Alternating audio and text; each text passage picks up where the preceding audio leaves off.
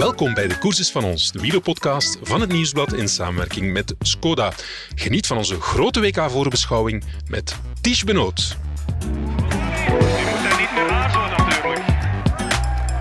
Sluit veel voor aan. Het valt stil. De grote drieën zijn niet kunnen wegrijden van de rest. Dit is je kans, man. Ewan, Van der Poel, Schachman, Alaphilippe, Greg van Avermaat. En Stuiven Het ene wielerhoogtepunt is nog maar net achter de rug. De Vuelta-winst van Remco Evenepoel natuurlijk. En we laden ons al op voor het volgende. Het WK wielrennen in Australië. Want zowel in de tijdrit op zondag 18 september als in de WK-wegrit een week later hebben we een van de favorieten aan de start. Remco Evenepoel is samen met Filippo Ganna favoriet voor de tijdrit. En in de wegrit is Wout van Aert uiteraard de te kloppen man. Een flinke voorbeschouwing met Belgische inslag is dus op zijn plaats en daarvoor ben ik langsgegaan bij een wel heel bevoorrecht getuige. Normaal had hij er zelf bij moeten zijn in Australië als rechterhand van Wout van Aert, maar begin augustus brak hij een nekwervel bij een zware ongeluk op training in Livigno.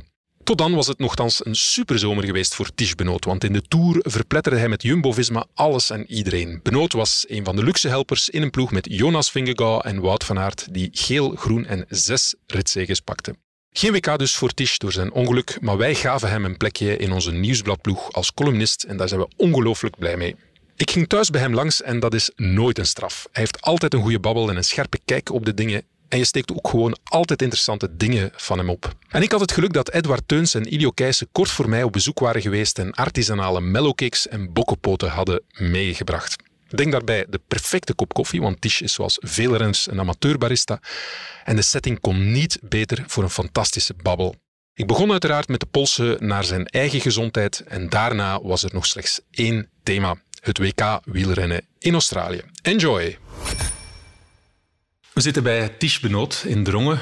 Ik ben hier nogal eens geweest. Eh, dat is nog in de tijd van DSM. Dat waren heel andere tijden. Hè. Toen was je zelf nog bezig over uh, misschien eens proberen rondewerk, hoe dat zit. En uh, nu zitten we hier. Truitje aan van Jumbo-Visma. En jammer genoeg ook een brace, dacht Tish. Zeg, en laten we het over die pech hebben, hè, dan zijn we er vanaf. Je zit hier met een brace. Uh, dat heeft te maken met jouw val. We waren echt van geschrokken in uh, Livigno op stage. Half augustus, iets voor half augustus. En uh, ja, dat zijpelde ook bij ons binnen op de redactie. En dan ja, werd er wel bij verteld van het is ernstig. En ik had jou heel veel in de Tour gezien. En dan ja, komt dat wel binnen. Dan denk je, hoezo ernstig?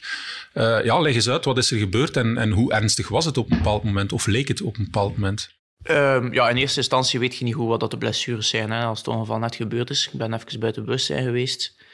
En dan uh, met een helikopter afgevoerd. Dat was de eerste keer voor mij. Dus ja, dat is allemaal wel speciaal morfine gekregen. Dus er was ook wel, je merkte wel aan de mensen die mij verzorgden op dat moment dat er wel ja, geen, geen paniek was, maar je voelde wel dat het serieus was. Ja. Um, zuurstofmeting rond en zo. Dus Allee, alles werd wel hoe Uh, direct mijn organen werden direct gecheckt uh, met een echo in de helikopter nog. Ja. Um, hoe ben je gevallen? Kan je dat? Want ja, zelf heb je daar misschien geen herinnering van, maar ja. hoe is dat gereconstrueerd? Um, dat een auto die eigenlijk uh, ja, mij voorrang moest verlenen, want ik kwam van, van een tankstation van de parking. Ja. En die stak de weg over. Mm. En die moet mij blijkbaar niet gezien hebben. Ik heb die niet zien aankomen, dus ik denk dat hij wel maar redelijke snelheid kwam. En ik heb nog een flits van die auto in mijn hoofd. Zo een witte auto die ik zag verschijnen. En de volgende moment, leek uh, op het asfalt, word ik wakker. Dus um, ja, je ziet ook op mijn trainingsfase zie je gewoon dat ik van 68 km per uur naar 0 ben gegaan zonder.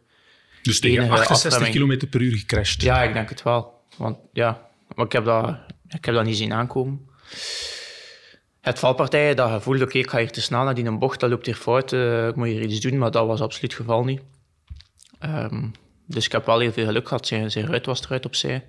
Zijn deur was ingedeugd, zijn spiegel was eraf. Um, en bij jou? Wat was er ja, allemaal? Bij mij, mijn, eigenlijk enkel aan mijn fiets, mijn zadel eraf. En zelf uh, heb ik vooral een impact opgevangen, denk ik. Ja, mijn nek gebroken, zo, ja. zoals je net zei. En dan um, ja, zat er glas in mijn elleboog en mijn heup. En heel mijn rechterkant eigenlijk wel geknust. Ja. En dan beland je in een ziekenhuis in Italië. En laat ons uh, het voorzichtig uitdrukken, dat was niet de Schwarzwaldkliniek. Dat was geen top, nee. topziekenhuis. Nee, nee, nee. Ja, ik ben tien jaar geleden, heb ik ooit mijn pols gebroken in Polen. Dat was ook dramatisch, maar het was nu eigenlijk niet echt beter. Jongen.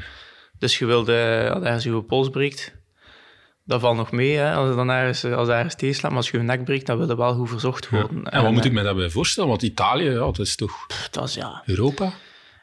Eerst en vooral een kamer met twee, in te kleine bedjes. Ik lag gewoon mijn enkels uit het bed. Ehm 30 graden op die kamer. Ik had, ze hadden geen goede brace op voorraad, dus ik moest 30 uur plat liggen met een, zachte brace. Waarbij dat eten en drinken dus eigenlijk heel moeilijk wordt. Een Fanta drinken, dat was eh, een buikpijn voor een uur. Ehm, dokters en, verplegers die geen Engels praten. Als je, als je s'nachts een, vroeg, eh, 's nachts een dokter vroeg, want in de eerste nacht eh plaste ik, ik rood, dus ik, ik, wou, ik wou eigenlijk wel zeker zijn dat mijn, mijn nieren goed gecheckt waren. Dan, ja, tomorrow morning. ik zeg, ja, maar tomorrow morning, zeg. Ja, als het niet te laat is, maar goed, eh, dat is allemaal goed gekomen. Ja, gelukkig Ehm, maar. Gelukkig maar. Dus eh, ja, ook die hechtingen zijn slecht gedaan aan mijn, eh, aan mijn heup en mijn, eh, mijn elleboog. Simpele dingen eigenlijk. hè, Simpele hechting, dingen, hè. echt basis die, die toch blijkbaar nog ontbreekt in Italië. Mhm. Dus ja. Ik heb me daar ook zo snel mogelijk laten ontslaan uit het ziekenhuis en ben dan eh, zo snel mogelijk naar België gekomen en op check gegaan bij, bij Toon Klaas in, eh, in Herentals. Ja. Maar er is toch niets daar fout gelopen dat gevolgen zou hebben. Misschien een iets groter litteken dan, eh Mhm. Ja, normaal, maar, Die wondes gingen beter genezen, denk ik. ja, maar Dat- niets, niets nee. dat echt fout niet. gelopen Dus is. de, de diagnose van Toon Klaas was ook dezelfde. De CT-scan die genomen is, was een full, full body CT, noemen ze dat. En toen zei ook dat dat, ja, dat, dat voldoende was, Ja. dat dat goed gedaan was. En de, ja, de enige dokter die daar eigenlijk deftig Engels sprak, was de neuroloog. En die heeft ook wel alles goed gedaan, denk ik. Maar als dokter geen Engels spreken, alle wetenschappelijke Ja. studies zijn in het Engels. In godsnaam, hoe kan dat? Dat is toch onwaarschijnlijk? Ja, ik snap dat ook niet. Het was geen prettige ervaring eh, daar in dat ziekenhuis zijn. En wat is nu de prognose? Hoe ziet dat er nu concreet uit? Eh, als mens eh, ben je daar gelukkig goed uitgekomen, maar de renner, Tish Benoot, ja, het seizoen is voorbij. Dat neem ik sowieso aan. Heeft dat dan gevolgen voor volgend seizoen al? Of, of... Ik ga, ervan uit, eh, ik ga ervan uit dat ik volgende week dinsdag heb ik eh, een CT-scan, 20 september. En dan ga ik ervan uit dat ik gewoon de voorbereiding kan, kan starten richting, richting voorjaar 2023. Ehm, ja, dat is natuurlijk de eerste weken is echt revalideren. En de focus op eh, mobiliteit en sterkte in mijn nekspieren terugkrijgen. En nadien, nadien gaat dan een iets langere winter zijn dan gewoonlijk. Maar ik zie daar geen graad in. Ik train wel graag. En ehm, ik heb ook een langere rustperiode gehad dan gewoonlijk. Natuurlijk, de eerste weken is dat nog relaxed. Hè. Je kunt een keer iets doen. Ja. Met vrienden. Of we gaan ook nog even op vakantie gaan. Want dat zou ik nu niet zitten eh, met een brace. Je kunt er toch niet echt veel doen. Ja. Wat dat Hans op vakantie zou doen. dus, Er staan hier eh, bokkenpootjes op tafel van Ilio Keijsen, die blijkbaar die op bezoek geweest ja, is. de, de Milo Cakes zijn van, ehm van Edward Teuns en de bokpootjes van Ilio Kees. Ja. En daar mag jij nu van eten. Ja, ja, maar ik mag er altijd van eten. Maar nu heb ik er veel van gegeten. Ja. Ja. En is dat dan nu in, in blessure? Want ja, bij Jumbo-Visma is men natuurlijk enorm bezig met eh, voeding en dergelijke meer. Laat men dat u nu even los? Ben je even ontslagen van de food-app? Of, eh, Ja, maar het is wel, eerst en vooral, we worden wel in alles vrijgelaten. Het is niemand die verplicht wordt om ook tijdens een tour of tijdens het seizoen op zich de foodcoach, die zo, de foodcoach-app noemt die, eh, te gebruiken. Maar ehm, ja, als je advies vraagt en dat moet van de renner eh, zelf uitkomen, dan, ehm, dan word je daar voluit in, in ondersteund. Dus ik heb alle nodige supplementen en zo toegestuurd gekregen. Die had ik direct, eh, direct in de brievenbus om, om die optimale botdeling en vooral mijn weefsels eh optimaal. Ah ja, dus het ook, ook na een, eh, een blessure of een ongeval dat je hebt, wordt er, krijg je supplementen opgestuurd van voor Ja. een perfect herstel. De ploeg volgt dat mee op. Dat is, Ja, ja, natuurlijk. Ja, het medisch team is daarmee bezig. En ook de, onze, onze hoofddiëtist, eh, Ja. en Martijn, eh, ja, die is daar ook mee bezig. Ook concreet di- eh, dingen die je beter wel of niet kan eten nu in deze periode. Krijg je daar advies Ja. over? Ja? Ik, bah, ja, ik heb er wel met Martijn over gehad. En hij zei ook, het is eigenlijk eerst en vooral belangrijk om niet in negatief te gaan qua energiebalans. Dus Ja. wel voldoende te eten. Dus een bokkenpootje van tijd tot Ja. tijd. Hij zei ook wel, probeer er niet te veel bij te komen, want dan... ehm, Moet je het nadien is, ja, en het is ook een lange winter. Als je dan vanaf in september je moet focussen op je gewicht naar beneden krijgen, dan, ja, vooral voor het mentale aspect dan. Ja. Ehm, en dan ook gewoon voldoende eiwitten. Ja. Hm. Verspreid over een dag. En de koolhydraatopname gaan naar beneden. Ik kan, het, ik kan het moeilijk inschatten, omdat die brace zo'n beetje jouw gezicht omhoog duwt. Maar hoeveel is erbij? Eh, ik weet het niet, ik heb niet op de weegschaal staan. Ja, mijn, gezicht is inderdaad uh, met, met, eh, met dat ding aan. Ja, nee, ik denk gelijk een normale winter eigenlijk. Ik heb veel minder, ehm, veel minder bewogen natuurlijk. En uit verveling eten dan sneller een keer iets. Maar ik heb mij ook vooral mentaal proberen ehm, niet extra te belasten. Het is al frustrerend genoeg dat ik nu thuis zit. Ik heb wel genoten. We zijn een paar keer op restaurant geweest. Um, een keer eens drinken nooit daarbij. en uit verveling ook, hè, als je thuis zit. Ja. Maar, nee. Ik ken het thuiswerken. Ja, ja. maar ik maak me er absoluut geen, uh, daar maak ik me echt geen zorgen over. Ik heb, ik heb tijd genoeg en de keer dat ik begin te fietsen, gaat dat bij mij meestal wel, uh, wel snel. Hm. Fysieke activiteit, wat kan jij nu wel en niet doen? Uh... Bij uh, ja, fysiek autorijden kan ik zeker al niet. Nee. Niet dat dat een echt fysieke activiteit is, maar dat beperkt me wel in veel, ja. in veel zaken. Um, wandelen, dat is zo wat spannendste dat ik doe momenteel. Maar ik wandel wel redelijk veel. en verder, ja. Hoeveel kilometer? Uh, Vorige week? week? had ik 70 kilometer. Nee, of twee weken. Wandelen? Ja, 70? Op een week, hè. Mooi. Uh, Like vandaag, eh, ik ga dan drie keer in de week naar de kine ook, sinds week twee of drie. Um, maar dat zijn, ja, dat zijn natuurlijk zeer beperkte oefeningen, want met een brace aan en er mag ook geen druk op mijn nek komen, kun je niet zoveel doen. Maar dan wandel ik naar daar of terug, of uh, we zijn een keer een weekendje naar Limburg geweest. Dat we in de Hoge Kampen twee tot keer... Tot Limburg gewandeld? Nee, nee. met auto tot Limburg. En dan, uh, ja, maar het was wel heel schoon. Ik ben nog nooit uh, in het Nationaal Park, de Hoge Kampen, daar ja, zo lang... fantastisch. Allee, daar echt gaan wandelen. Dat was eigenlijk echt, eh, echt tof, ja. Je kan, het is natuurlijk ja, het is niet wat je wenst, zeker in deze periode. We gaan het straks hè, over het WK hebben. Dit is onze grote WK-voorbeschouwing. Uh, maar op zich kan je wel eventjes mens zijn. Dat is misschien dan wel, als het dan toch gebeurt, dat ook even proberen. Uh... Het is heel lang geleden dat ik in augustus vrij ben geweest. Dat was nu wel het geval. En het is ook tof geweest om, om met uh, ons dochtertje, die nog maar negen maanden is, ja eigenlijk nu eigenlijk well, 24-7 uh, thuis te zijn. Hè. Ja. Dus dat is wel, dat verzacht zeker de, de pijn.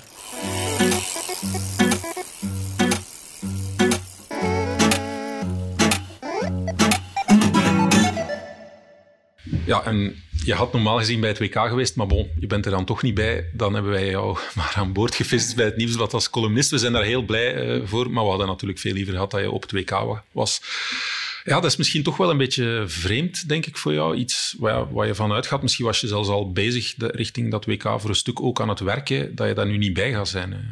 Ik had inderdaad liever uh, in Australië geweest dan columnist te zijn, maar ja, het is uh, een kleine pleister op de wonden. Ja, de next best thing, als het dan toch... Uh. In hoeverre heb jij dan nog contact of sta je dan nu helemaal buiten? Bijvoorbeeld, Wout, hoor je hem veel? Zit jij nog in WhatsApp-groepen? Of... Um, ja, ik zit niet in de WhatsApp-groep met de WK en dat zou ook een beetje raar zijn, maar ik heb wel uh, contact met Wout. Ja.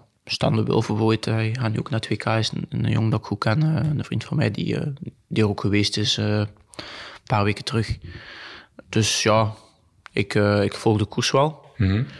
Ik heb niet alles van de Vuelta gezien, ik heb wel een groot deel gezien. En ook ja, de koers in Canada heb ik de finales gezien, dus um, ja, ik ben er natuurlijk wel, kijk er wel naar uit en Zoals iedere Belg, denk ik. Ja. Als columnist, uh, ja.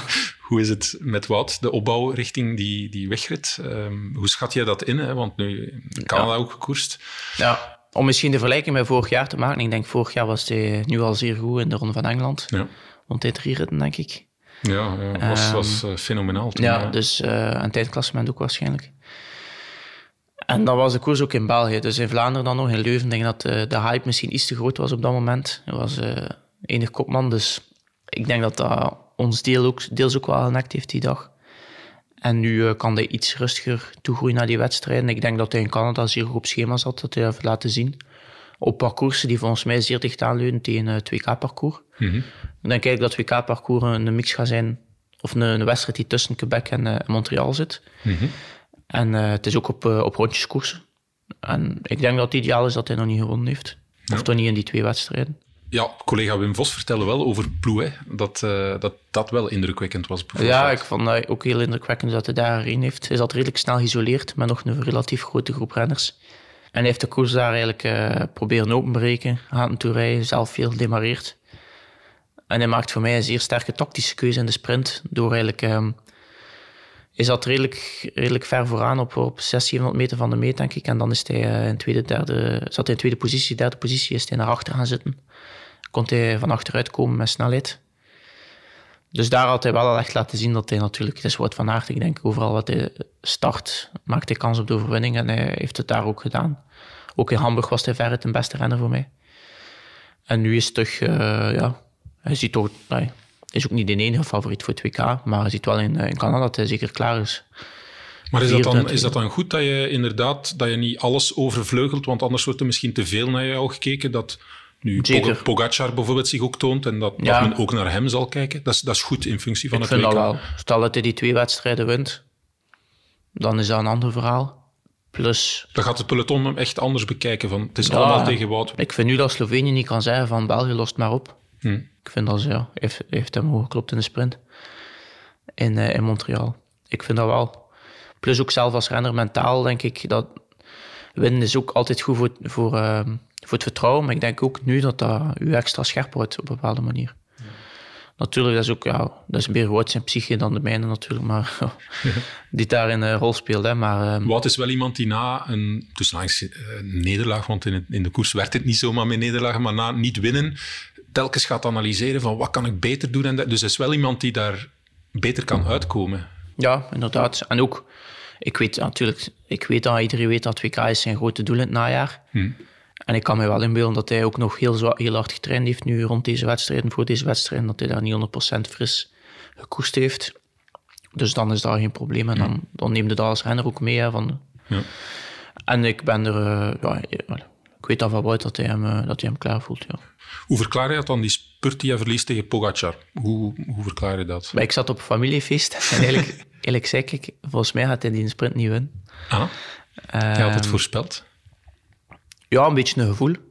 Ik denk dat hij redelijk diep is moeten gaan, of ben er eigenlijk zeker van dat hij heel diep is moeten gaan om te volgen. Hij heeft uh, op die lange helling, bij het ingaan van de laatste ronde, was hij als vijfde renner boven. Zat hij op een klein haatje, rijdt hij vlot toe.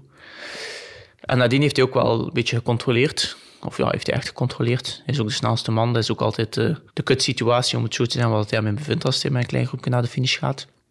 En dan is nog een keer een sprint uit lage snelheid. En in Montreal, je ziet dat niet op tv, maar je komt wel die laatste bocht, dan is het nog 500 meter of zo, komt er wel echt eerst bij op. En daar zit Pogacar al aan en die weegt toch uh, zeker 10 kilo minder dan Wout. Uh, dus dat, gaat wel, uh, dat scheelt gewoon veel. Hm. Plus het lage snelheid. Wout wint veel massasprints, maar het lage snelheid... Um, ja, heeft hij ook al, al, al wat sprints verloren. Ja. Um, maar ook al gewonnen natuurlijk, maar goed. Pogacar is niet traag. Nee. Als je de sprint ziet op de Spelen vorig jaar, uh, was het ook niet zoveel. Maar ik denk dat het goed is. Uh, er is ook een andere kopman, hè, Remco ja. Evenepoel. Ten eerste, ja, het WK vorig jaar in Leuven, um, ja, dat is niet gelopen zoals uh, we het hoopten. Gewoon omdat er geen overwinning was en dan ook geen podium. Um, ja, is dat nu een les die daaruit getrokken is? Vind jij dat een logische beslissing na Leuven? uh, om met twee kopmannen te starten? Want ja, Wout is daar blijkbaar zelf ook voor te vinden. Ja, ik denk dat dat inderdaad een goede beslissing is. Pas op, ik denk dat Remco vorig jaar ook wel... Hij was natuurlijk niet aangeduid als kopman, maar dat hij ook wel uh, zijn kansen had als de koers anders was verlopen. Als hij zelf bepaalde dingen anders had gedaan. Maar um, ik denk dat dat een zeer goede keuze is. Remco heeft dit jaar meer, meer dan nodig bewezen dat hij dat kopmanschap ook waard is op een wereldkampioenschap. En ik denk dat dat ook alleen maar Wout zijn kansen groter maakt. Ja. ja. Ik denk dat dat is een beetje de manier van koersen die wij in de ploeg proberen te hanteren. En uh, ik denk dat de, de Belgen dat dit jaar ook moeten doen. Wat bedoel je dan? Leg dat eens uit. Dat je niet uh, alle eieren in één, in één mandje hoeft te leggen. Ja. Het is natuurlijk al vaak uitgedraaid en Wout zijn, uh, zijn, ja, zijn voordeel ook nu, omdat hij ook natuurlijk veruit de sterkste renner is in de ploeg en ook in, in het peloton altijd een topfavoriet is vaak meestal topfavoriet is in het voorjaar.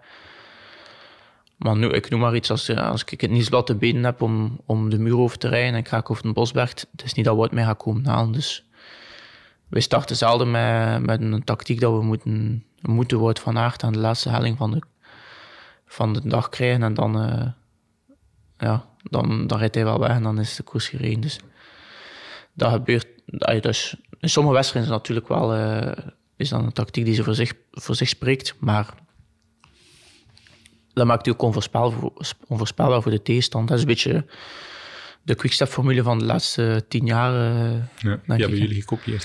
Gekopieerd, ja. Ik denk dat, ja, dat is ook, ja, we moeten daar niet beschaamd voor zijn om dat te zijn. Ik denk dat dat een tactiek is die zeer goed gewerkt heeft en nog altijd werkte. Zeker in de, in voorjaar, waar er veel chaos is, de voorjaarskoersen. Wat er veel chaos is, waar dat je op situatie moet inspelen, pech, noem maar op. Het is eigenlijk niet gecontroleerd koersen als in een grote ronde. Waarbij dat je de klimmer, als je de beste klimmer hebt, tot aan de slotklim brengt. En dan wint hij wel. Wat dit jaar in de Tour hebben we ook niet zo gekoerst. We hebben ook op een andere manier proberen koersen. Ja. Ehm, Ook weer iets dat dan in de Vuelta wordt gekopieerd, zie ik, door eh, andere ploegmanagers vooruit te sturen. En dat jullie ook opnieuw gedaan hebben. Ja. Ja, tuurlijk. Ja, ja, ja, inderdaad. Dat, ik denk dat dat... Dat is moderne wielrennen. Ik denk...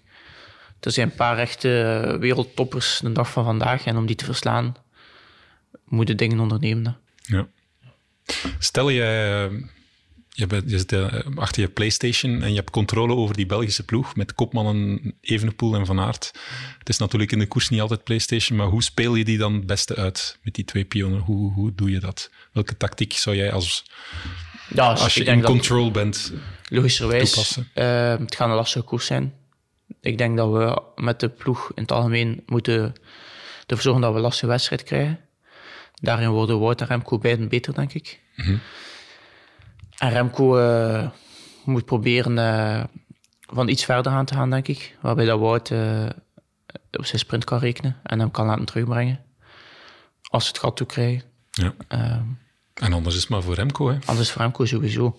Ah, ik durf niet zeggen dat de Remco geen kans heeft. Hè. Absoluut niet. Ik denk dat het wel voor hem een opgave is als je zo je hoofddoel bereikt. Je hoofddoel van het seizoen. Misschien al een levensdoel. Ja, sowieso een levensdoel, denk ik voor hem, een carrièredoel. Bereikt om dan ehm, die compressie zeg maar nog twee weken aan te houden. Ja. Maar eh, Remco heeft, heeft ons en mij al vaak verrast, denk ik. Hè. Dus ik denk dat hij daar wel eh, toe in staat kan zijn. Maar ik ben benieuwd. Dus eh, ik denk dat, dat we daarvan moeten beginnen, dat we twee kopmannen hebben op 100%. En dan denk ik dat er wel veel mogelijkheden zijn. Hm. Johan de Munk die zei bij ons vandaag in de krant van eigenlijk is het te hopen dat Remco geen nog niet wereldkampioen wordt. Want ja, de Vuelta gewonnen en dan volgend seizoen met die, die regenboogtrui gaan rijden. Hij is ook nog heel jong. Hij zet heel veel stappen ook in het, in het mentale, zeg maar. Maar misschien is dat... En ik denk dat Wout wel iemand is die daar klaar voor is zelfs om dat te dragen. Want het is niet evident. Je hoort zelfs Ala Philippe eh, zeggen van... "Pff, Allee, blij dat ik twee keer wereldkampioen geworden ben, voor alle duidelijkheid. Maar ik ook blij zijn dat ik die trui, nu kwijt ben.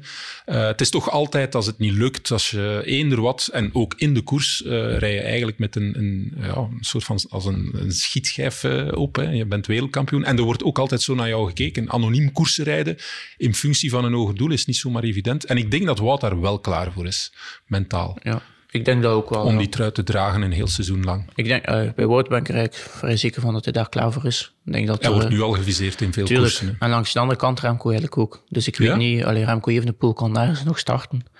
Zodat hij niet, eh, dat er geen rekening met hem gehouden wordt. Dus jij zegt, zoveel verschil maakt dat niet voor Ik iemand als. Remco. Ik weet dat niet. Ik denk, ik ben nooit zelf wereldkampioen geweest, dus ik kan me daar absoluut niet over uit- uitspreken wat de, wat de regenboogtrui met zich meebrengt van druk en alles er rond. Maar ik denk dat hij nu wel echt goed begeleid wordt, Remco. Ook op alle zaken rond de koers. En ik vind dat hij op persoonlijk vlak in eh, interviews en dergelijke echt eh, een hele grote stap vooruit heeft gezet. Ja. Hij blijft zeer rustig, ondanks dat er af en toe vervelende vragen komen. En hij heeft op drie jaar tijd, denk ik dat hij nu prof is, echt veel vooruitgang geboekt, vind ik zelf. Het is misschien zijn vierde jaar. Ja. Ja, Ja. zijn vierde jaar, voilà, dus op dikke drie jaar. Ja. Allee, het, is, eh, het is hem niet makkelijk gemaakt hè, als je als, eh, als jonge renner prof wordt in België. Nieuwe grote rondetalent na 44 jaar. Eh, de kans op nog eens een grote ronde wordt, er, wordt je niet, niet echt altijd fair behandeld, vind ik. In tegenstelling tot in sommige landen, andere landen, denk ik dat dat in België wel, wel echt soms lastig is. Het is een tweesnijdend zwaard. Hè. Er is veel aandacht als het goed gaat, maar ja, Je wordt even snel omhoog geschreven als naar beneden. Dus ik denk, hij heeft dat aan de, lijf ondervonden. En ik, ik vind dat gewoon merkt dat hij daar echt, echt aan gewerkt heeft. En dat heeft hem ook geholpen nu eh, om de Vuelta te winnen en, en rustig te blijven drie weken, denk ik. Ja. je, je kent Primos een beetje. Jammer genoeg natuurlijk uitgevallen, maar tot, tot voor die val... Hoe straf is het wat, wat Remco doet, de 22-jarige Remco? Want ja, Primos had niet de perfecte voorbereiding, maar langs de andere kant... Ja, eh, het is wel geen pannenkoek. Hè. Eh, blijkbaar op, eh, op een bepaald moment als hij wegdemareert, ik denk als Vervaken of Van Wilder, van Vervaken denk ik op kop zit. Ja, de wattages toen, dat, dat was, dat schijnt fenomenaal. Ik geloof dat... ik weet niet meer welke, rit het was, maar... ehm, Op Sierra Nevada reed Louis op kop en dan Ja, zijn en- Mas en, en eh, dingen, de Colombiaan, eh, Lopez gaan demareren. ja, Ja. En toen, naar het schijnt, waren de wattages eigenlijk al enorm hoog. En zeiden ze van, ja, fenomenaal. Dus het is, het is, wel, het is wel een topper tegen wie hij gereden heeft. En op dat moment, tot voor de val... Ja, je kan Primos inschatten. Hij weet wat voor een talent hij is. Wat, wat voor een, dus het is toch wel straf dat hij tot dan die, die, als 22-jarige die onder de knoet houdt, Ja. zeg maar. Ja, ik, ik denk dat we een spannende laatste week hadden gezien. Ja. Maar eh, ik durf niet zeggen dat Primos eh, Remco nog had kunnen pakken. Ik denk dat nog iets in zijn voordeel lag, van Remco dan. Ja. Bijna anderhalf minuut voorsprong. Eh, maar het is zeer straf, vooral wat hij in de eerste week laat zien. Hè. Hij pakt daar twee minuten bijna op een dag. En ik had eigenlijk wel verwacht. Ik had eh, in San Sebastian tegen hem gekoest. De week na de Tour. En ik kreeg zelf echt vermogens. Dat ik eh, trots, trots kan op zijn. Ja. Op eh, de Erlaïts. Dus zo'n kilometer of 4 aan 10 procent. En ik was er ook beter dan... Kan je daar eh, waren op trap daar stappen? eh, of, eh, dat was, voor mij was dat... dat 465 watt op 12 minuten. Ja. Dus dat is eh 6,5 watt of zo per kilo. Oeh. Ja. En? Wacht, ik moet even rekenen. Ja, dat is 6,5 hè, ongeveer. Ja. En Remco? En Remco reed 45 seconden weg van mij. Dus dan weten dat hij er zijn ruim boven de 7 zit, denk ik. Ehm, dat is toch wat ik gelezen heb. en ik was daar zelf ook beter dan, dan renners als, als Sivakov en, en Rodriguez. Dus ja, dan dacht ik wel van oké, hij gaat nu nog een keer twee weken op trainingskamp. Ik, ik dacht, ik hoop dat hij niet te veel doet. Ja. Dat, dat weet je, want het is vaak met Remco geweest in, in het verleden dat hij heel sterk... Na een hoogtestage is hij altijd supergoed. Ja. En dat hij dan soms een stap terug eh, zet. Maar nu heeft hij het gewoon doorgetrokken. En ik heb tegen zeer veel mensen gezegd, volgens mij gaat hij de eerste week vliegen en uitpakken. Gaat hij een tijdrit de tweede week ook nog winnen. En dan gaat volgens mij... Daar zijn getuigen van, dat jij dat... Ja, ja, ja. Er zijn eh, zeker twintig mensen die dat kunnen bevestigen. en dan eh, was mijn idee, allee, omdat hij dat al vaker heeft gehad, denk ik dat hij wel een slechte dag gaat hebben. Ja. En ik, ik vind dat hij die niet had heeft. Hij is, is eh, een dag redelijk zwaar gevallen. Ik denk dat dat onderschat geweest is in de pers. Alleen zo huid verloren voor te slapen. En ook, Is dat zoals herinneren, dat dat dan nadien... Dat je dat voelt aan je lijf? Ah, sowieso. In je lijf ook. En, Ja, dat, is, dat zijn gewoon... Dat, is, allee, dat zijn allemaal ontstekingsreacties. Hè. Ja. Je zwelt op de rond. Je houdt vocht vast. Dat is een beschermingsmechanisme van je lichaam. Ja. Dus dat is, eh, dat is niet ideaal. Hè. Je slaapt ook iets minder goed. Hoe dat, allee, door het draait of keert, schaafwondes is nooit goed. Dus vaak wordt gezegd, oh, het zijn maar schaafwondes. Maar... Nee. Dus ik vind dat... eh, ik vind, heeft mij verrast op dat vlak, ja.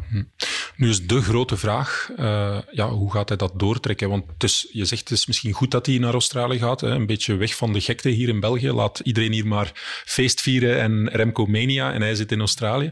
Maar langs de andere kant, ja, het wordt niet evident eh, om dat door te trekken natuurlijk. Hè. Ten eerste heeft hij een heel zware fysiek en mentaal ronde gereden.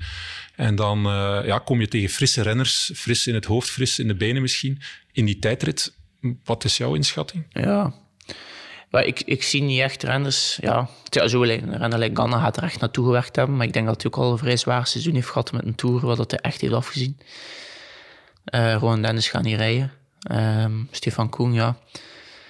Ik denk dat het vooral van Remco eh, zelf afhangt, hoe dat hij, zoals gezegd, de, de, ja, de focus kan blijven houden tot volgende week en de week daarop. Ik hoop van wel natuurlijk, voor hem en voor, voor België. Eh, maar ik ben benieuwd om het te zien. Ik zou het ook perfect menselijk vinden en normaal als hij nu eh, een beetje de- decompressie heeft en, eh, en dat voor hem lastig blijkt om, om nog zo hoog, allee, hoog niveau te presteren de week nadien. Maar fysiek, fysio- fysiologisch is daar geen bezwaar tegen om een week later top te zijn in een Ja, het tijdrit. zijn renners die het zeker al gepresteerd hebben, dat, dat ook al bewezen hebben dat kan. Maar je ziet toch vaak een trend dat, dat eh, zeker de klassementsrenners de week na een grote ronde vaak eh, niet op topniveau zijn. Ik heb het al... eh, ik heb zelf al, al, al vaak een zeer goed gevoel gehad na een grote ronde, maar ik heb nog nooit het klassement gereden. Of toch niet, toch niet voor het podium. Dus ja, je hebt natuurlijk veel voorbeelden uit het verleden. Het is eh Bradley Wiggins, die werd Olympisch kampioen tijdrijden net na een Tour. Die het hij zelf won. Ik herinner me zelfs in het verder verleden Ulrich nog, die nadien ook op... Ja, het zou kunnen, maar dat is een andere tijd. Ja, ja, inderdaad. Maar goed, neem ons Bradley Wiggins als voorbeeld. Inderdaad, Ja, het kan zeker, denk ik. Maar het is de vraag hoe, hoe ja, vooral mentaal, denk ik. En het zijn ook al veel, veel eh, voorbeelden die tegendeel bewijzen. Of tegendeel, dat, dat je Ja. ook wel bewijzen dat, eh, dat zeer lastig is. Als je Pogacar ziet, die, die, de, die een Tour won, de week nadien was het WK in de Imola. Zak hij er ook door. Hm. Eh, dit jaar in San Sebastian was hij ook niet zo sterk. Dus ja, ik ben benieuwd. Ik denk eh, ook wel dat hoe is voor Remco dat hij niet enig kopman is op 2K. Ja, want dat ik denk dat inderdaad voor, dan... voor Wout is het goed en voor Remco ook. Ja. Ja. En ook voor Remco, zoals je zegt, het zou perfect menselijk zijn dat het misschien niet lukt en dan is het ook geen drama. Dan Nee, inderdaad. Ik denk wel dat er echt zijn voorbeeld spreekt, zoals je, zoals je daarnet ook zei, dat hij nu niet naar, eh, naar huis gaat, wat dat hij denk ik geen minuut rust zou kunnen hebben. Is hij even eh, op zijn gemak, denk ik, nu in Het is wel Australië. bijzonder ver weg, hè? Ja, hij is echt ver weg. Verder kunnen niet weg. Nee. Of nog een keer eh, de vlucht naar Nieuw-Zeeland maken. Is nog- nog iets, nog iets rustiger waarschijnlijk. Maar het is spijtig natuurlijk, denk ik, voor hem om dat feest nu niet te kunnen hebben in, eh, thuis in Schepdaal voor hem of, of in België in het algemeen. Maar ik denk ook wel dat voor het WK op zich is het wel goed. Ehm, Ik denk dat ze het wel niet erg gaan vinden daar om twee keer feest te vieren. nee, eh. het is dat, het is Ja. dat, het is dat. En inderdaad, het seizoen is binnen een paar weken gedaan. Waarschijnlijk zal voor hem goed seizoen gedaan zijn naar het WK, veronderstel ik. Ja. Dus dan, eh, dan kan hij nog genoeg feestjes doen, inderdaad. Ja. Ja. Is er een scenario waarbij misschien in de tijdrit wel of niet goed is en in de wegrit dan omgekeerd? eh, want dat is dan, dan nog eens een week langer. hè? Ja, ik schat. Ik schat, ik, allee, als, ik denk dat hij eerder goed kan zijn in de tijdrit, want het is inderdaad nog wel een week langer, zoals gezegd, dan in de wegrit. En als hij slecht is in de tijdrit, dan, dan zie ik het wat somberder in voor de wegrit. Maar, maar eh, ik zei het, Remco heeft, heeft ons al vaak verrast en ik denk dat hij dat nu ook kan doen. Je gezin is net als een wielerploeg. We moedigen elkaar aan. En we weten dat we met de tips van onze ploegleider we alle kansen hebben om echte kampioenen te worden. Skoda, supporter van de grootste fietsfamilie.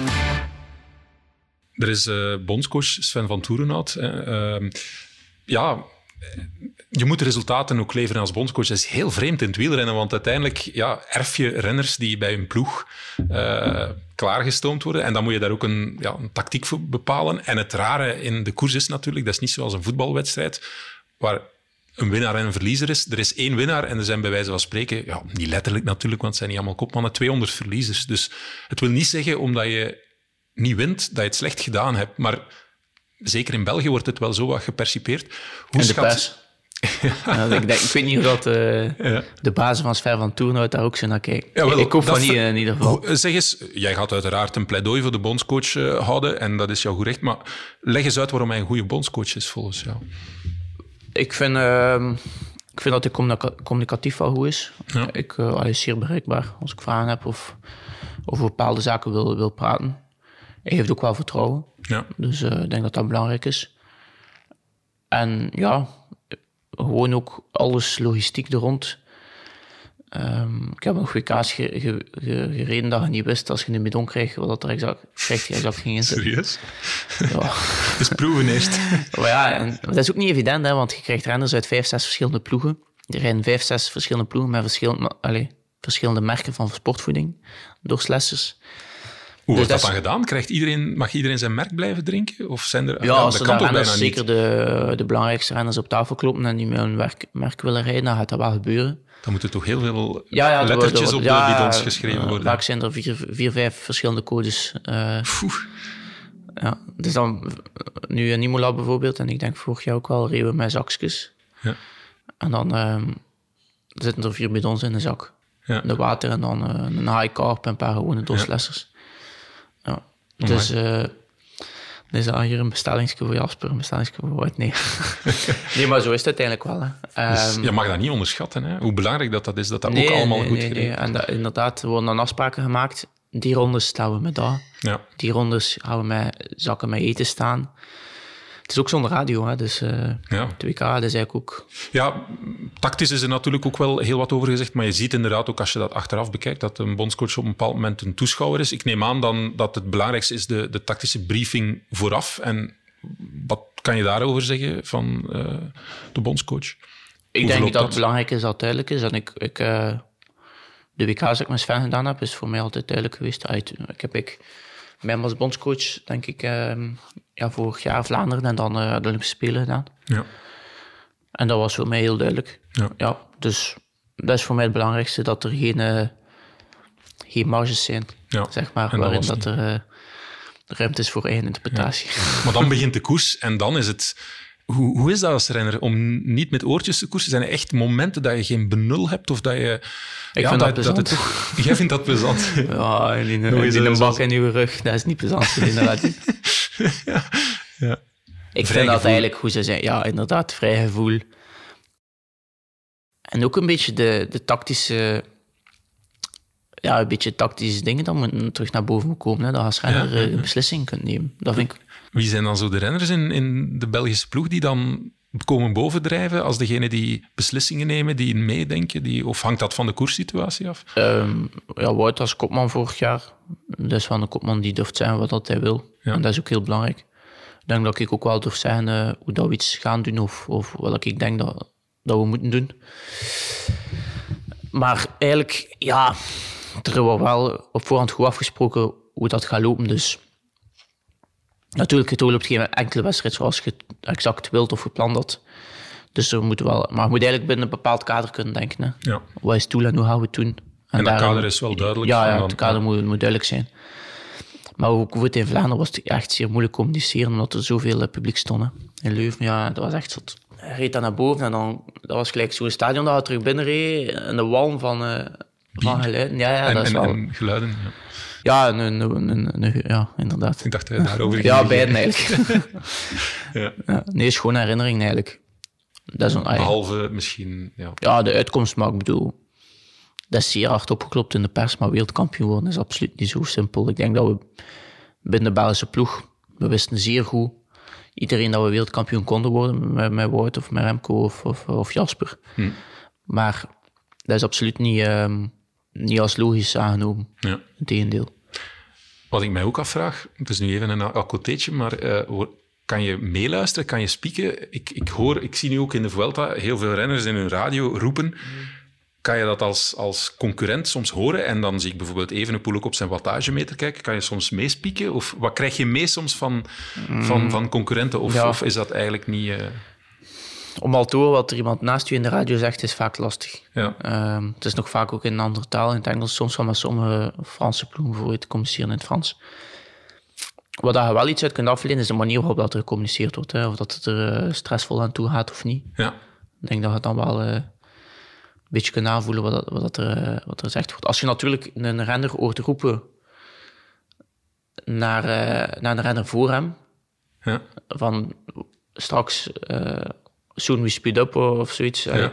Dat, dat, dat heb ik dat En wel dan altijd je door dat in de radio. Ja, ja, zeker. Een En soort bij iemand anders... Spionnen. eh, je bent dan, hè, zoals in Stratego, heb je een spion Eh, ook. Ja, ja, Jij voor bent dat dat kan, ja. Ehm, wat je ook vaak ziet, zijn ploe- ploegen die eh en masse opschuiven.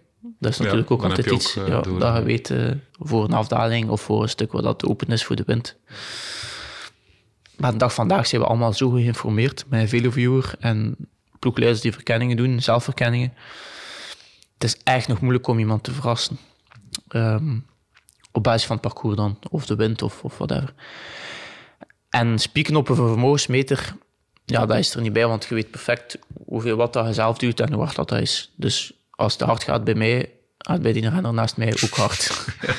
Alleen dan is dat gewoon eh, watt per kilo. Als ik 6 watt per kilo rijd, Ja. dat is voor mij 420 watt. En dan voor de, die renner naast mij van 60 kilo gaat dat 360 watt zijn. Allee, dat gaat niet veel schelen. Nee. En hartslagen kunnen in principe iets uit afleiden, maar ik weet niet welke afslag dat en Nee. pas heeft. Dus het valt best mee. Ja. Nee, nee, daar, ja, daar valt er niet veel Op aan het te spreken. WK kan je de borden natuurlijk lezen, hè? want dan wordt er met Ja. borden gewerkt langs de kant. Ja, maar daar, die dat bollensysteem is ook al even afgevoerd. Bij Ja, de maar bij, vorig jaar bij de Fransen was er op een bepaald moment roulé of zo. En Roulé, ja, dat weet ook wel dat dat Dat kan je nu wel verstaan. Hè? Het Sloveens wordt misschien wat moeilijker, maar Ja, ja. ja. vaak zie je het verschil. hè. Van, eh, dat het verschil met de koproep wordt opgeschreven, hè, dus dat is wel gemakkelijk. Ja. Ja, want maar daar doe kan de concurrentie niet veel eh, uit Nee, opmaken nee, nee. natuurlijk. Maar ik, allee, ik kan u een klein pleidooi geven om niet meer radio's te rijden, maar eh, ik denk dat er wel een kleine nuance is, dat het wel belangrijk is dat er heel veel goede... Of, of dat de gevaarlijke punten wel aangeduid worden. Je zou natuurlijk met een radio kunnen werken die enkel bedoeld Ja, is... maar dat zit nog altijd met die een bak op rug. Die wil jij niet, hè? Nee, nee. Maar wat dat, langs de andere kant, gevaarlijke punten die aangegeven worden, maken het alleen maar gevaarlijker. Ah. Dan krijg je gewoon een peloton dat gestrest is.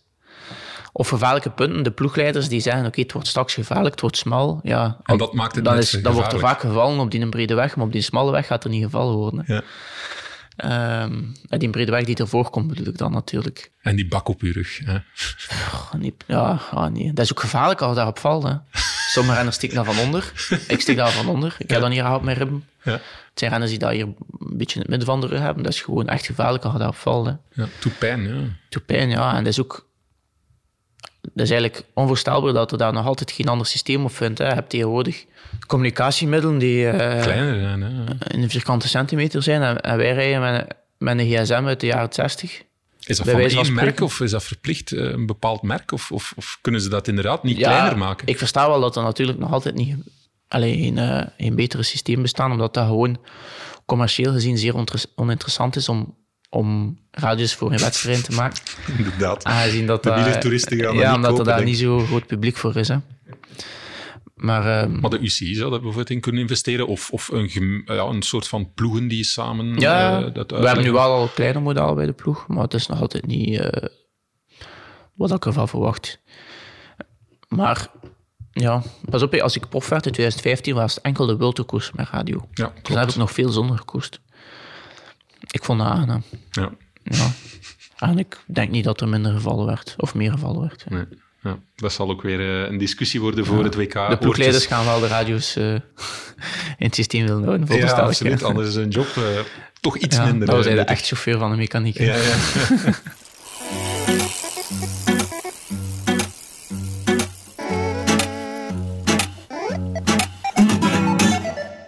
Zeg, laten we het eens over eh, ja, de andere ploegen hebben. Hè. De buitenlandse concurrentie. Ja, Pogacar is in vorm, dat hebben we in Canada gezien. Wie mogen nog allemaal verwachten is het enigma eh, Mathieu van der Poel. Daar moet je ergens wel rekening mee houden, maar dat kan alle kanten uit. Die kan, die kan top zijn, kan misschien tegenvallen. Ja, er is Alaphilippe die gevallen is in de Vuelta enzovoort. Schat eens in, jij volgt het van heel nabij. Je kent eh, de Pappenheimers. Naar wie moeten we vooral kijken? Wie wordt gevaarlijk in die WK-wegrit? Ik, eh, ik denk dat voor uh, Alaphilippe moeilijk gaat zijn. Zeer, zeer eh, moeilijk seizoen en nu ook een, een zware valpartij, zoals gezegd, in de Vuelta. Dus hem ga ik niet tot de topfavorieten rekenen. Pogacar spreekt voor zich. Zeer sterk in ja. Quebec. En ik denk dat hij ook, uh, Quebec Montreal, ik denk dat hij, hij ook nog, echt nog honger heeft eh, tot het einde van het seizoen. En dan eh, vond ik Bajoli zeer sterk. Ja. Niet onderschatten. Ja, ja, ja. Dus eh, die, ja, een paar millimeter na wordt hij nog tweede in Montreal, na Wout. En dan, ehm, ja, dus de, de sterke indagsrenners, de, de renner als Matthews, die nu niet de beste indruk gaf. In Quebec wel. Ehm, dus ja, en dan ook eh, een deel renners uit de Vuelta komt, maar op een WK, dat is een speciale koers. Hè. Het zijn vaak renners dat je denkt, oké, die komt nu wel een beetje weggestoken of zo. Ja. Het is natuurlijk wel een zwaar parcours. Verandert het dat niet? Dat je, want ik heb eh, een boek van Peter Sagan gelezen en die is, ik weet niet meer wanneer, maar die is ooit één of twee keer wereldkampioen. Ik denk zeker één keer wereldkampioen geworden. Dat hij zegt, ik, had, ik was eigenlijk slecht, maar ik ben toch wereldkampioen geworden. Maar op dit parcours lijkt me dat uitgesloten. Ja, ik, ben, ik vraag me dan af welk, over welk WK dat hij dat had, want in, ik was ben er twee keer bij of, geweest. Ja. In Bergen was hij goed, want dat was geen parcours om ook... Ja. Misschien heeft, is het toch een sausje van romantiek dat Misschien, hij erover ja, gegooid heeft in zijn boek. Ja. Hij was zeker beter dan hij nu is. Maar, dus. dat is een feit, ja. Maar in Qatar, uh, Qatar had me dan nog meest in beeld dat je met stuurmanskunst in de waaiers geraakte en dan kon sprinten voor de, voor de titel. Maar zeker bij dit WK moet je echt goed zijn. Het is niet dat je ja. ergens uh, je kan wegsteken en dan toch aan de meet... De koers van 266 kilometer of 260 à 270 kilometer met 4000 hoogtemeters daar gaan een goede renner, een waardevolle wereldkampioen uitkomen, sowieso. Um, ik, ik zei het, ik denk dat het een wedstrijd is tussen Quebec en Montreal. Waarbij dat Quebec hellingen zijn tot ja, 500, 600 meter. En, um, en Montreal zit er elke een klimmen van een dikke 2 kilometer. Is het in, um, in Wollongong. Wollongong, ja. Ik, ik, moet er ook nog op oefenen. Ja, een, een dikke Forvo. kilometer. Ja. Ken je die site, Forvo? Dat kan, dat is een site waar je alles kan ingeven en ah, dan okay. spreekt hij dat voor jou uit. Ah, ik moet dat nou ben daar niet op geabonneerd. Nee. Kijk, we gaan het eens, we gaan het eens, dat kan via de montage, zo spreek je het uit. Wollongong. Voilà. Zo dus. Dus ja, ik heb dat gewoon niet verkend. Ik, op, op Viewer, ja, natuurlijk in, uh, in persoon heb ik het niet verkend, maar ik heb het online natuurlijk al bekeken. En het ziet er zeer, uh, zeer technisch uit, zo, een stadsparcours. Wat dat dus gewoon wil zijn dat het een zeer slopende dag wordt. Hè. Als, het, als het regent, wordt dat alleen nog maar erger. En dan een klim van een dikke kilometer aan, eh, aan een dikke 7%. Dat vinden niet in de Vlaamse Ardennen. Nee, Allee, oké. Je vindt dat misschien wel, maar moeilijk. Ja, ja en het wordt eh, ook vreemd natuurlijk door het vroege uur. Ehm, ja, het eh, wordt vroeg opstaan. Ja, voor ons eh, wordt het vreemd. ja. hè. Voor de renners gaat dat gewoon normaal aanvoelen natuurlijk. ja. Maar eh, ja, natuurlijk op PK is altijd voor opstaan. Hè. Ik weet niet, 9 à 10 uur Ja, sowieso is het... eh, Dus ja, ik, ik vind altijd eh, plezante dagen. Hè. Dat, allee, dat zijn de dagen waar ik als, als renner voor ben beginnen koersen. Die koersen van 260 kilometer. ja? Zeker. Omdat je komt bovendrijven, omdat je sterk bent? Of omdat het gewoon Ook, maar dat is, ja, dat is gewoon... de hele dag op de fiets Als, zit? hè? als, eh, als jonge gast eh, of als kind nog eh, heel de dag voor tv naar de Ronde van Vlaanderen van wow, 260 kilometer en iemand Ja. rijden. Ja, dat is ook een vorm van de eerste uren moet je zoveel mogelijk weg, wegsteken. Je ziet zeer veel renners die zijn, eh, de museumtactiek uit Lugano toepassen, die dan de eerste ronde doorzakken op een klim. Ja. En dan ehm, ja, da- daardoor eh, veel energie sparen, vooraan beginnen, achteraan boven komen. En je leert dat parcours ook kennen. Allee, dus je probeert dat zo wel aan te voelen. Waar, waar moet ik vooraan zitten, Ja. waar niet. ja, tegen dat de finale echt losbarst, ken je het parcours wel. Ja, zeker. hebt het in de week ook al een paar keer gedaan. Ja. Dat, ik vind dat echt iets tof. In die zin was, eh, was het in Leuven een beetje een atypisch WK met de twee verschillende lussen die er waren. En ehm, ja, ik denk zeker eh, in Australië gaat er een klassiek WK zijn, hè, met, met, met kortere rondjes. Ja. Dus eh, ik denk dat we een school WK krijgen, een attractief WK. Ja. Dus- we, zijn, we zijn blij dat we een heel goede gids hebben bij het Nieuwsblad. Ja, ja, ja. Maar kijk, ik ga nog een beetje dieper, eh, dieper erin duiken. En, Ga je kritisch zijn of ga je... kritisch zijn op, op wie? Op wat? ik kan kritisch zijn op veel mensen. Ja. Nee, eh, Nee, maar ik hoop vooral, want dat is eh, wat we ook van deze podcast alweer onthouden en in de Tour ook, eh, heel interessante inzichten die je hebt en ja, van binnenuit ook.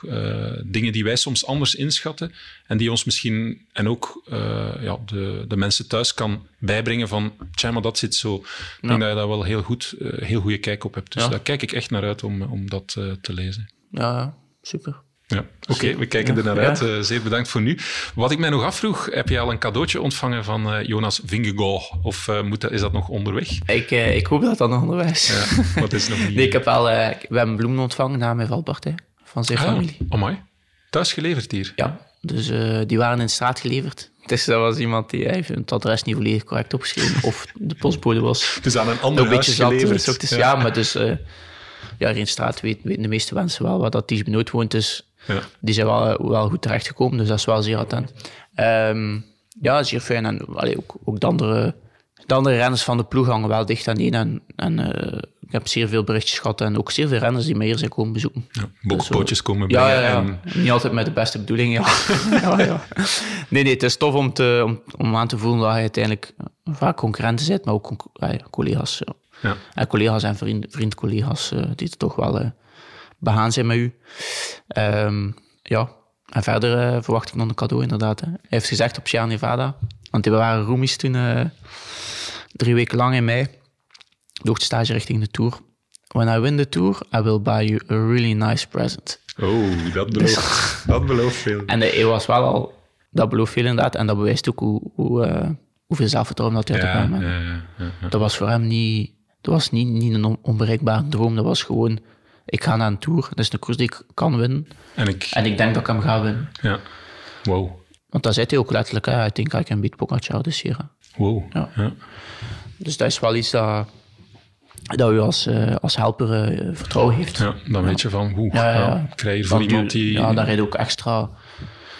Dat heeft ook dat extra beetje dat nodig is. Hè. Ja, Voilà. Ik denk dat onze reporters ter plekke ook dat extra beetje gaan geven met een columnist als uh, Ties Benoot. Zeer bedankt en we duimen vooral voor goed nieuws. Uh, dinsdag is het, hè? Dat je, Dinsdag, ja. Dinsdag, dinsdag controles krijgen. ja, dat alles goed is. Ja, En, uh, inderdaad. in 2023 gaan we er een lap op geven. Ja, dat is de bedoeling. Vanaf Nieuwsblad 23. Om het WK te volgen moet je wel een beetje plannen. Vroege vogels hebben een streepje voor, want de tijdrit voor heren elite wordt nu zondag 18 september tussen 5 uur 40 en 9 uur Belgische tijd gereden. Een ideaal verzetje voor de zondagse pistolets dus.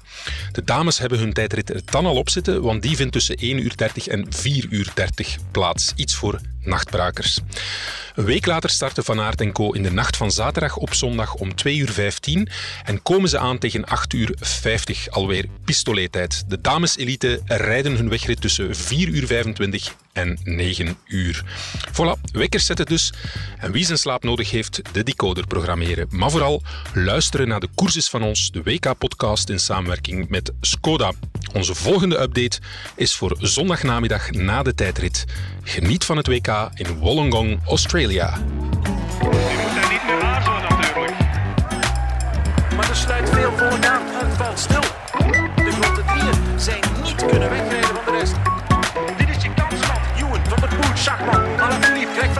and Stokes at the back.